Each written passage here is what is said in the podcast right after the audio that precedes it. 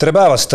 Täna avaldatud dokumentaalfilm on õhku paisanud uskumatuna tunduvaid kahtlusi ja küsimusi kahekümne kuue aasta taguse Estonia laevahuku kohta.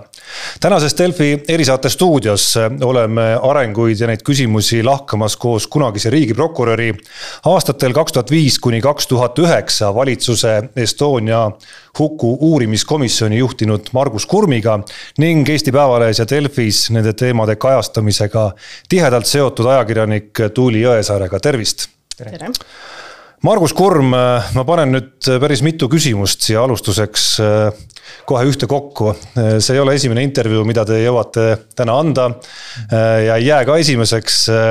Te olete öelnud, et need kaadrid, mis on ilmunud dokumentaalfilmis, eelkõige siis paremas laeva küljes oleva augu kohta, on teie jaoks šokeerivad ja te olete väga julge seisukoha öelnud välja, et allveelaev on see, millega kokkupõrge või siis riivakas, kuidas iganes öelda, on laevahuku põhjus. kui ma nii olen öelnud, ju ma nii siis olen ka mõelnud. Te peate väga kindel olema selles. ma kohe selgitan, kõigepealt et need kaadrid on šokeerivad, need kaadrid ei ole selles mõttes minu jaoks šokeerivad, et nad oleks välja toonud midagi, mida mida ma ei arvanud, et seal võiks olla. Nad on šokeerivad eh, pigem sellepärast, kuivõrd kiiresti ja lihtsasti, lihtsalt need eh, Norra filmimehed, eh, need asjad nii-öelda filmi peale said. see on olnud minu jaoks natukene üllatav selle, selle filmi juures. mis puudutab allveelaeva, siis ei, ma ei ole kindel, et see oli allveelaev.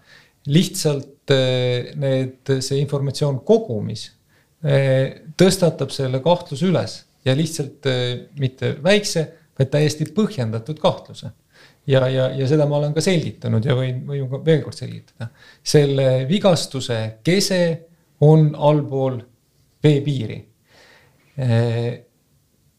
teised, mitte ükski laevalt pääsenud inimene ei ole rääkinud sellest, et nad oleks näinud sealjuures mingit teist laeva ja ei ole ka teada, et Estonia, Estonia kõrval oleks mingisuguse teise väiksema laeva äh, vrakk. järelikult see pidi olema midagi, mis liikus äh, põhiosas vee all.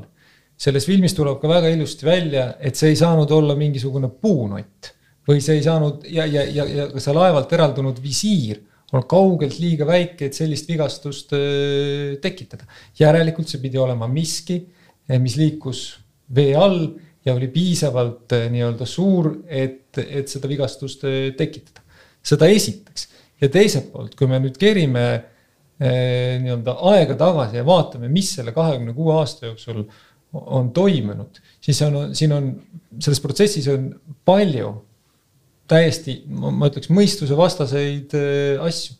alustades sellest, et juba kuu pärast seda õnnestust otsustati see laevavrakk eh, betooniga katta. rahvusvaheline uurimiskomisjon polnud õieti saanud alustadagi oma tööd, aga juba oli otsus, et eh, laevavrakk eh, pannakse kinni. hauarahuleping sõlmiti üheksakümmend viis veebruaris. jällegi enne, kui komisjon on oma töö lõpetanud, pandi kõige olulisem asitõend lukku. see ei ole ühe, ühe, ühe nii-öelda ausa ja, ja tulemustele suunatud uurimise puhul tavaline ja, ja üks asi veel, mis on, mis on minu jaoks alati olnud äärmiselt kõnekas, on, on see, et meid on kakskümmend kuus aastat püütud veenda selles, et Rootsi riik ei ole kunagi korraldanud mitte ühtegi sukeldumist selle vraki juurde. see ainus sukerdumine, mis toim-, ainus sukeldumine, mis väidetavalt toimus, toimus detsembris ehk kaks kuud pärast äh, laeva õnnetust. palgati üks erafirma nii-öelda siis seda, neid sukeldumise, sukeldumisoperatsiooni eh, läbi viima.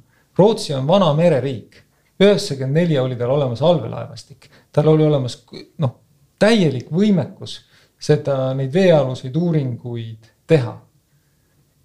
ja, ja meile öeldakse, et nad ei teinud seda.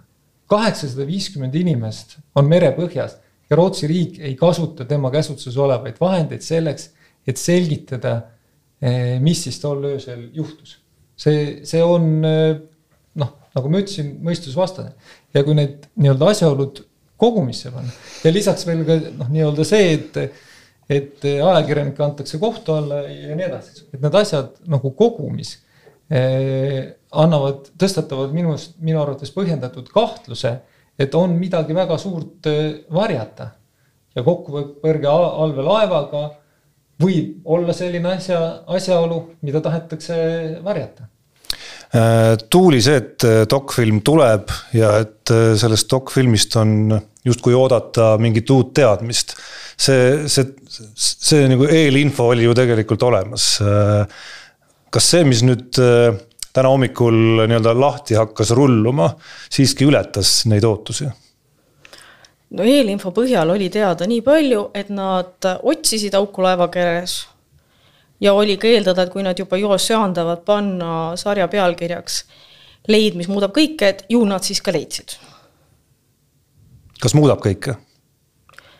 see on äh, küsitav, sest ähm, Henrik äh, Evertson on seda filmi teinud väga selge suunaga. Tema allikavalik on väga valitud ja on näha, mis suunas ta tahab minna. ja tema teooria on kogu aeg siis tõesti olnud see, et äh, on varjatud, on valetatud ja ta riib sinnapoole tõesti, et see auk peaks andma mingisuguse teisese vastuse. see kindlasti on väga suur avastus, see on selge. aga äh, tema siis, eks ole, teooria, õigemini mitte tema teooria, aga siis teooria, mille tegelikult sarjas kinnitab äh, Trondheimi ülikooli meretehnoloogia professor Jörgen Amdahl, on siis see, et on selle augu seal konkreetselt seal parempardas, tekitas mingi kokkupõrge ja professor Amdahl arvutuste põhjal saab öelda ainult seda, et see objekt juhul, kui see siis oli liikuv, pidi kaaluma üle tuhande tonni, aga see võis olla siis ka pinnases olev kivi professor Amdahl ei söanda sellest minna kaugemale. ja mis minu jaoks on murettekitav, on see, et kuigi Henrik Evertson on oma töös olnud üldiselt väga põhjalik ja on näha, et ta ei ole kannatanud ei raha ega ajapuuduse all, peatub ta väga järsult augu leidmise järel tal on olnud küllalt aega, et üles otsida Norra mereväe plahvatusekspert kes kinnitab, et see ei olnud plahvatus, noh, seal on, siis on detaili, detailidesse laskutud, miks ei saa olla. aga ta millegipärast ei leia aega ega võimalust siis lasta modelleerida, kui palju sellest üks koma kaks korda nelja meetri suurusest avast võis tulvata laeva vett, millisesse sektsiooni, veekindlasse sektsiooni see jõudis või võis jõuda selleks ta ei leia ei aega ega võimalust või õigemini ma pigem arvan, et talle ei meeldinud see, mida need arvutused ütlesid, sest ta on jätnud endast väga professionaalse mulje, sari on muide suurepärane. tõeliselt hea vaatamine. ehk siis ma arvan, et see on väga teadlik valik, miks ta ei lähe selle augu leidmise juurest ise kaugemale kuidas teile tundub, äh, kui see teooria, noh näiteks siis äh, allveelaeva riivamise teooria on õige, see auk tekkis siis sellel hetkel, kus laev justkui, justkui oli terve tegelikult, et. et kuidas see uppumise jada pidi siis välja nägema? see auk sobib väga hästi nende, selle informatsiooniga, mida me selle laevaauku kohta teame.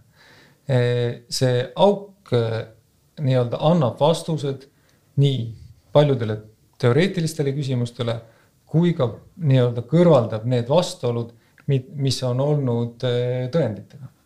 hakkame pihta kõige lihtsamast. see auk selgitab, kuidas pääses vesi autoteki all olevatesse tekkidesse. on pikalt räägitud sellest, et siiamaani ei ole antud eh, nii-öelda adekvaatset selgitust selleks, kuidas täitusid autoteki all olevad tekid veega. ja see on fundamentaalse tähtsusega, sest kui autotaki nii-öelda siis selles autoteki all ehk laeva veekindlas osas on piisav kogus õhku, siis see laev ei upu.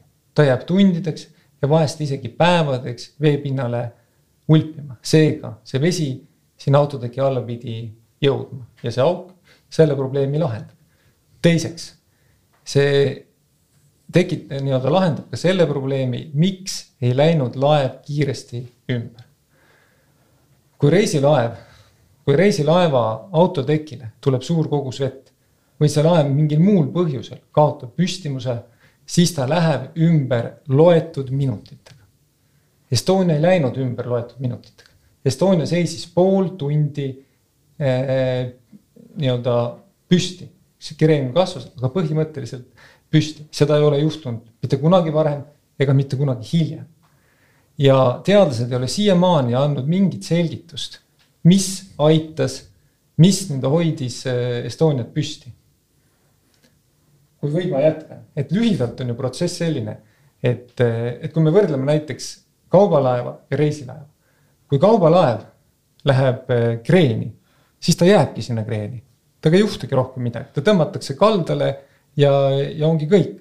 kui reisilaev läheb neljakümne kraadisesse kreeni, siis purunevad hotelli ehitise aknad, vesi tuleb sisse ja väga kiiresti laeva ülemine osa, mis on suurem, muutub raskemaks kui laeva alumine osa mis on täis õhku ja mis on väiksem.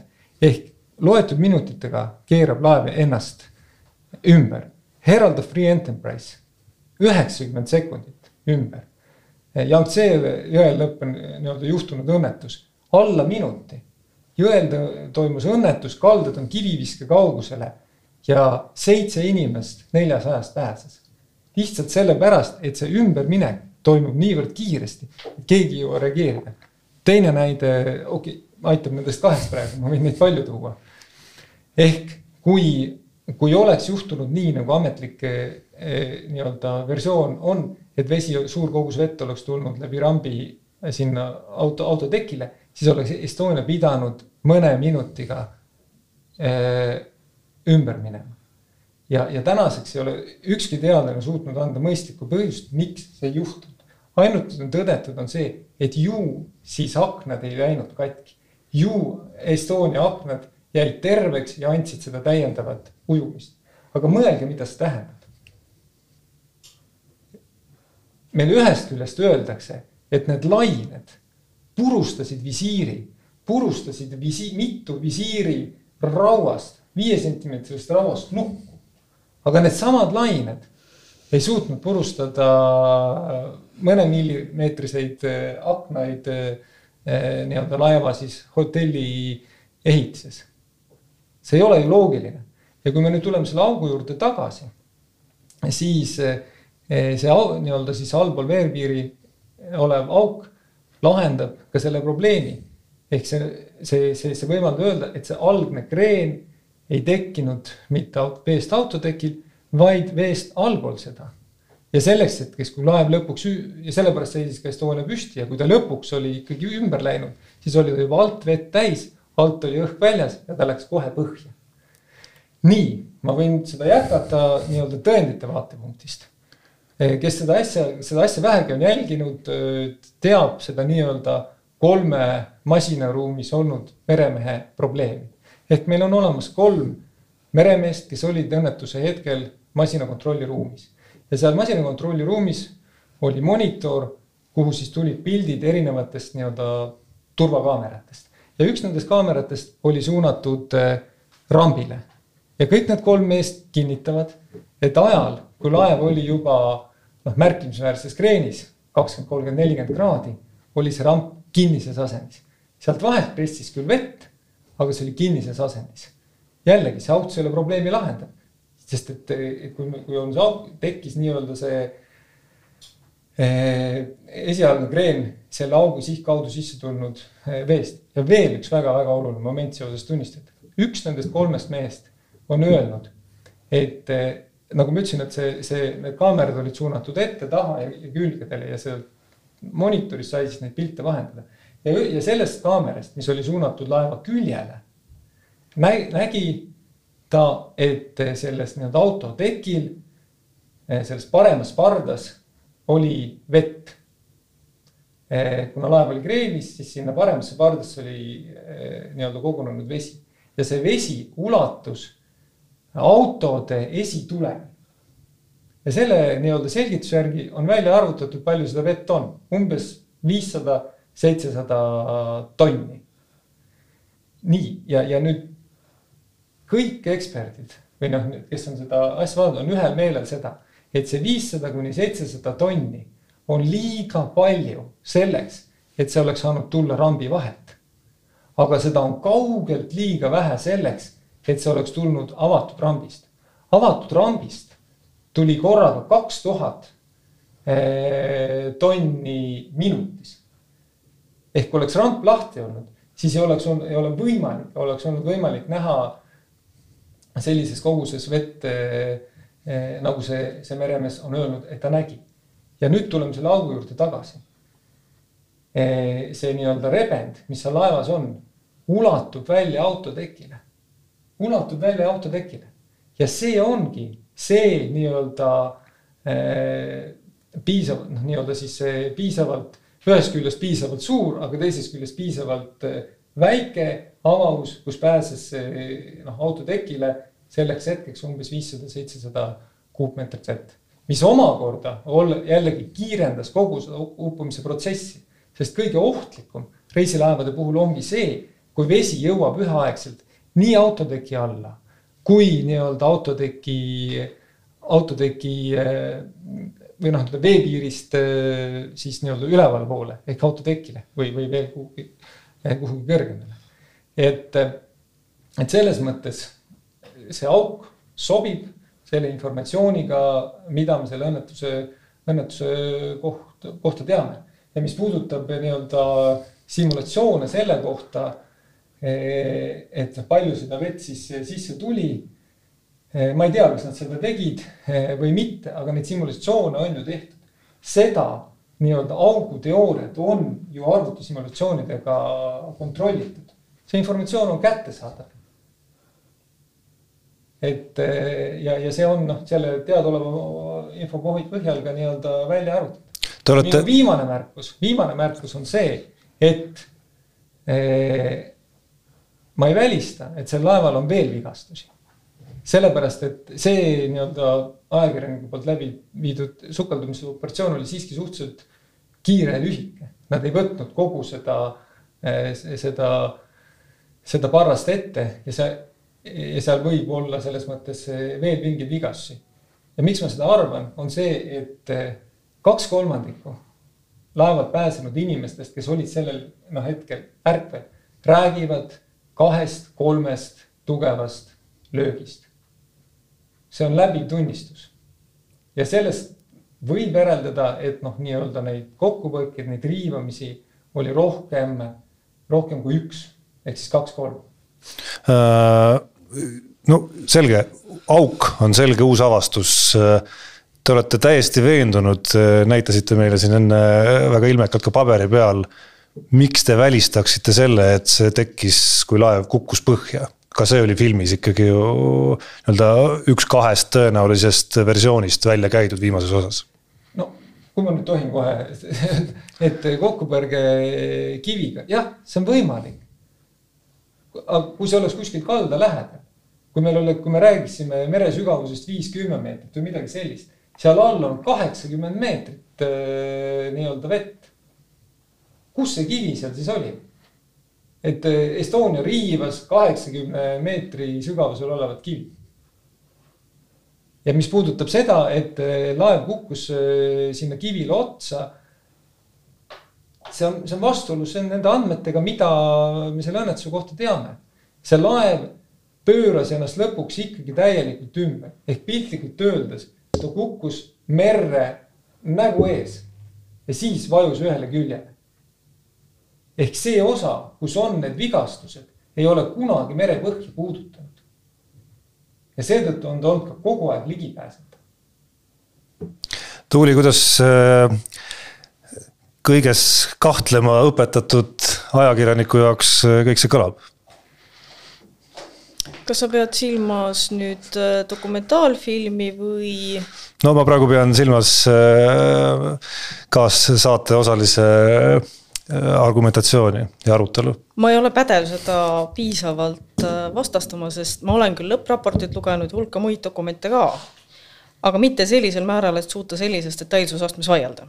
küll äh, sa ikkagi sinust õhkus, kui ma lugesin sinu tänast artiklit, äh, olles ära vaadanud siis kõik need dokumentaalfilmi osad, õhkus selliseid justkui nagu ütleme kolleeg kolleegile tehtud etteheiteid seriaali tegijale. see on teine asi, mida. ei, see on teine asi muidugi. see on teine asi, mida sa küsid ja sel teemal ma võin rääkida. ma pean ütlema, et mulle absoluutselt ei meeldi see, mida Evertson on teinud. ta on ilmselgelt ja väga häbenematult ja mõnuga kaldu siis äh, täpselt selle teooriapea poole, millele ta lõpuks leiab toetuse. tema allikate valik on kummastav, ta on äh, võtnud tõesti ainult need, kes toetavad tema teooriat, kas või meie professor Metsaveer saab nii-öelda näiteks ainult ühe lause öelda, kuigi professor Metsaveeri võiks, võiks tsiteerida rohkem, olgu, kui ei meeldi Eesti allikas, kindlasti leiab Rootsist rohkem.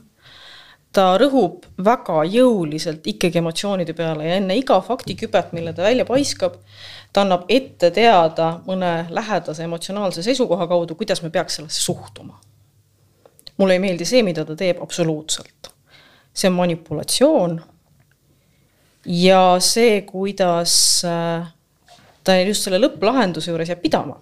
tõesti on täiesti võimalik, et ta on võtnud absoluutselt arvesse kõiki mõeldavaid simulatsioone auguteooria kohta. aga ta võiks seda näidata. millist kaalu tema leidis tema hinnangul, toob, aga tema pidurdub seal, et on auk siis ta laseb eetrisse tuntud Uus-Meremaa vandenõuteoreetiku, kes vestab muinaslugusid vallandatud Mi-6 agendist. siis ta segab sinna veel kellegi, kes on endine autoärikas, äh, on pagenud Türki kes edastab mingisuguse kummalise loo sellest, kuidas teda justkui ähvardati. ühesõnaga, ta keedab sellest sellise supi, et äh, minus tekitab see vastumeelsust kuigi ma rõhutan veel kord see, et ta selle augu leidis, ülikõva töö kuidas teil eh, needsamad momendid eh, dokfilmi vaadates? no minul puudub igasugune pädevus eh, hinnata dokfilme noh, nii-öelda ajakirjanduslikust või, või kunstilisest va va vaatepunktist ja ma ei tahaks sellel teemal üldse sõna võtta. aga ma küll ma tahaksin rääkida nendest vastaspoole ekspertidest. ma olen aastaid otsinud inimest kellega sellel teemal nii-öelda eh, faktipõhiliselt, faktipõhiliselt väideb, ma ei ole seda leidnud. kogu aeg on kuskil mingi, mingisugused eksperdid, kes on arvanud nii ja naa ja, ja kolmandat moodi. mitte miski ei teeks mulle suuremat rõõmu, kui kohtuda selle eksperdiga siin laua taga ja vaielda faktide pinnalt, sest nende nii-öelda eh, väärikate teadlaste poolt kirjutatud äh, informatsiooni pinnalt, nende tõendite pinnalt, mis on olemas. aga ma ei ole sellist inimest leidnud. kui te leiate, suurima heameelega tulen ja, tulen ja väitlen. see ongi selle asja juures probleem, et need küsimused, millest ma ennem rääkisin, on üleval ja mitte keegi ei ole nii-öelda võtnud vaevaks neile vastata e,. iga kord kui eh, nii-öelda endised JAIC-i liikmetele ehk siis rahvusvahelise ühiskomisjoni liikmetele antakse sõna, siis nad hakkavad rääkima visiirist. vaadake aasta tagasi, tagast intervjuud äh, professor Metsaveerega. ta räägib pikalt sellest, miks ta arvab, et visiir tuli eest ära. aga kõik muud küsimused ehk kuidas sündmus edasi kulges, kuidas vesi jõudis autoteki alla, miks laev ei läinud ümber ja nii edasi, sellest ta vaikib. see, et visiir eest ära tuli, see on kõigile teada aga visiiri taga oli ramp, mis oli kinni ja senikaua kui ramp oli kinni, ei pääsenud vesi sisse. ja samamoodi öeldud, teine küsimus, et kuidas sai siis vesi autoteki alla? ta nii-öelda öeldakse, et ta läks sinna siis eh, nii-öelda keskseks sektsiooni uste kaudu. me kõik, te olete kõik ju sõitnud laevaga. Te teate, et seal on see kesksektsioon, seal on uksed, kus saab ülesse, seal on liftid, kus saab üles, eks ju. Estonial oli kakskümmend sellist ust ja nüüd öeldakse, et nende kaudu, aga mõelge, mis juhtub selle veega, kui tuleb, vesi tuleb sisse, laev on keeris, kreenis, vesi nii-öelda koguneb ju ühte pardasse. selleks, et vesi jõuaks üldse kesksektsiooni uste, usteni, peab olema see laev peaaegu peab see autotek olema peaaegu vett täis, siis me saame rääkida, et uksed, uksed purunevad ja vesi hakkab sealt alla minema. pluss kõik inimesed, kes on sealt alt, kõik inimesed, kes sealt alt pääsesid, liikusid ju nendest auto, nii-öelda trepautoteki ustest mööda. mitte keegi ei ole neist öelnud, et uksed oleks olnud katki. ja küll on öeldud, et ukse vahelt tuli, tuli vett, aga uksed olid ees. ehk see tähendab, see, see, see lihtne, see nii-öelda esimene nii-öelda väide, mis tundub ju usutav, jah, sealt kesksektsiooni kaudu eh, see vesi sinna läks, ei päde, kui sa hakkad detailidesse minema.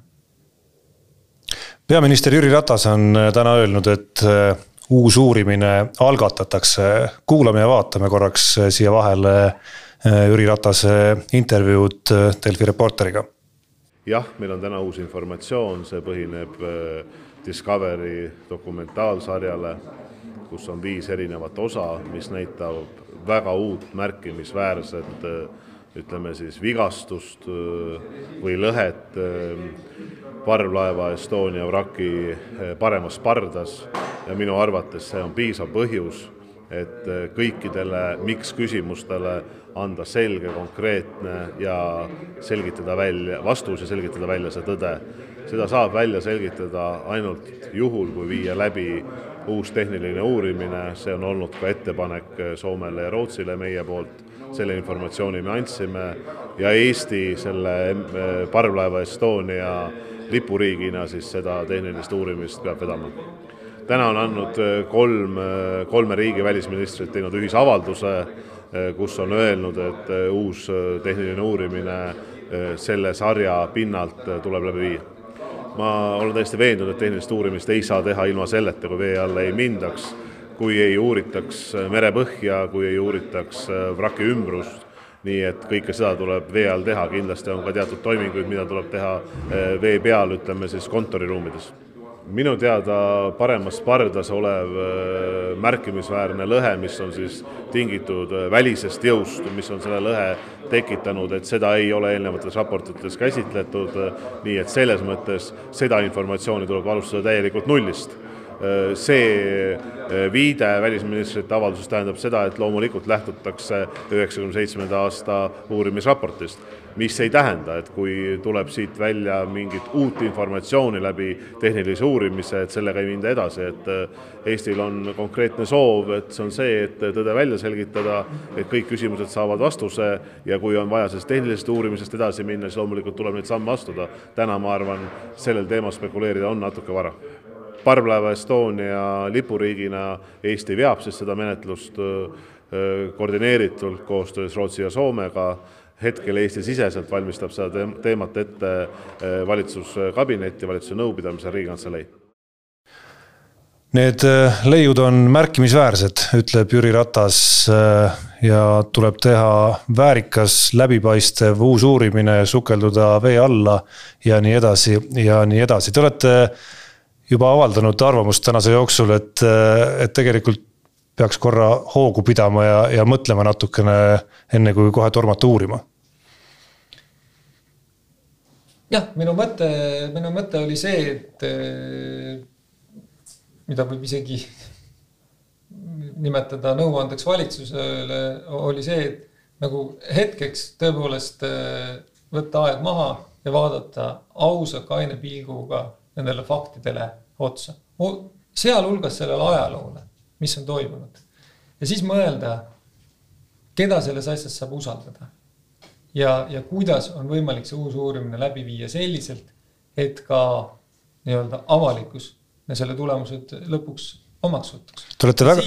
Te... siin on märksõna läbipaistvus. Te olete väga selgelt ikkagi õhku visanud kahtluse, et A, et äh, kaasa arvatud teie eest, on väga olulisi materjale hoitud salajas. Äh, ja noh, tegelikult ka seda, et, et rootslasi või Rootsi poolt ei tasuks väga usaldada selles loos ja selles uurimises. Neil on mida, et neil on midagi varjata. jah, ma olen seda öelnud ja, ja, ja nii ma ka arvan. et äh, võib-olla minu selles mõttes üks äh, noh, eripära või ma olen selles mõttes erilises situatsioonis, et et ma olen ju ise väga paljude inimestega kohtunud.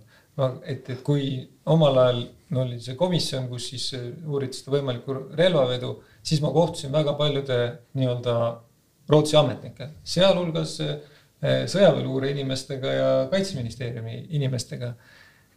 sealhulgas endiste nii-öelda ühis, uurimis, ühiskomisjoni liikmetega. ja hiljem kõigi nende nii-öelda teadlastega, kes on seda siis hiljem uurinud, ma pean silmas neid ametlikke uurimisi, mida tehti Rootsi riigi tellimusel Rootsi riigi raha eest. rahvusvahelised uurimiskonsortsiumid, et seda endale selgeks teha. ma käisin noh, nii, nii selles mõttes Glasgow's, vestlesin nendega. mul on kõik need vestlused selles mõttes lindistatud, samamoodi Hamburgis, et lihtsalt sellest asjast ise aru saada. ehk ma olen väga paljude nende inimestega ise kohtunud ja loomulikult selle kohtumise käigus on mul tekkinud ka mingisugune noh, emotsioon selle juures, kes on avatud, kes püüab midagi varjata.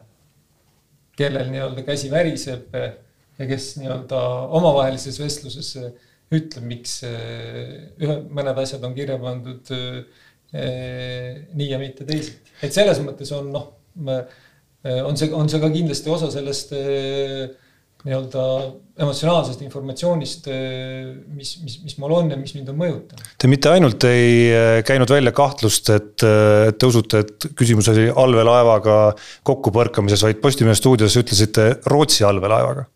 jah, no aga selles mõttes, et hakka mõtlema, et kelle allveelaev siis võiks olla, Eesti oma see kindlasti olnud, sest Eestil ei ole allveelaevasid. ma ei ole küll. Venemaa mul ei ole ka lõpuni spetsialist, aga ka, ka minu meelest ka Soomel ei ole allveelaevastikku. ja, ja, ja miks Rootsi just sellepärast, mis on toimunud hiljem. et need nii-öelda arusaamatud mõistusevastased käigud viitavad sellele, et, et siin on mängus nii-öelda Rootsi riigi prestiiž. Venemaa loomulikult seda ei, ka seda ei saa välistada, ka seda ei saa välistada aga sellisel juhul noh, on igal juhul see seotud äh, mingi laeval oleva lastiga. Äh, Tuuli, äh, ma tean, et sind seob Rootsiga päris palju. ma tean, et sa oled ka kriminaalromaanide suur austaja, aga see pilt, mis, mis hetkel justkui kujuneb, kasvõi siin meie, meie vestluses. see teeb silmad ette ju, ju, ju kõikidele nendele romaanidele.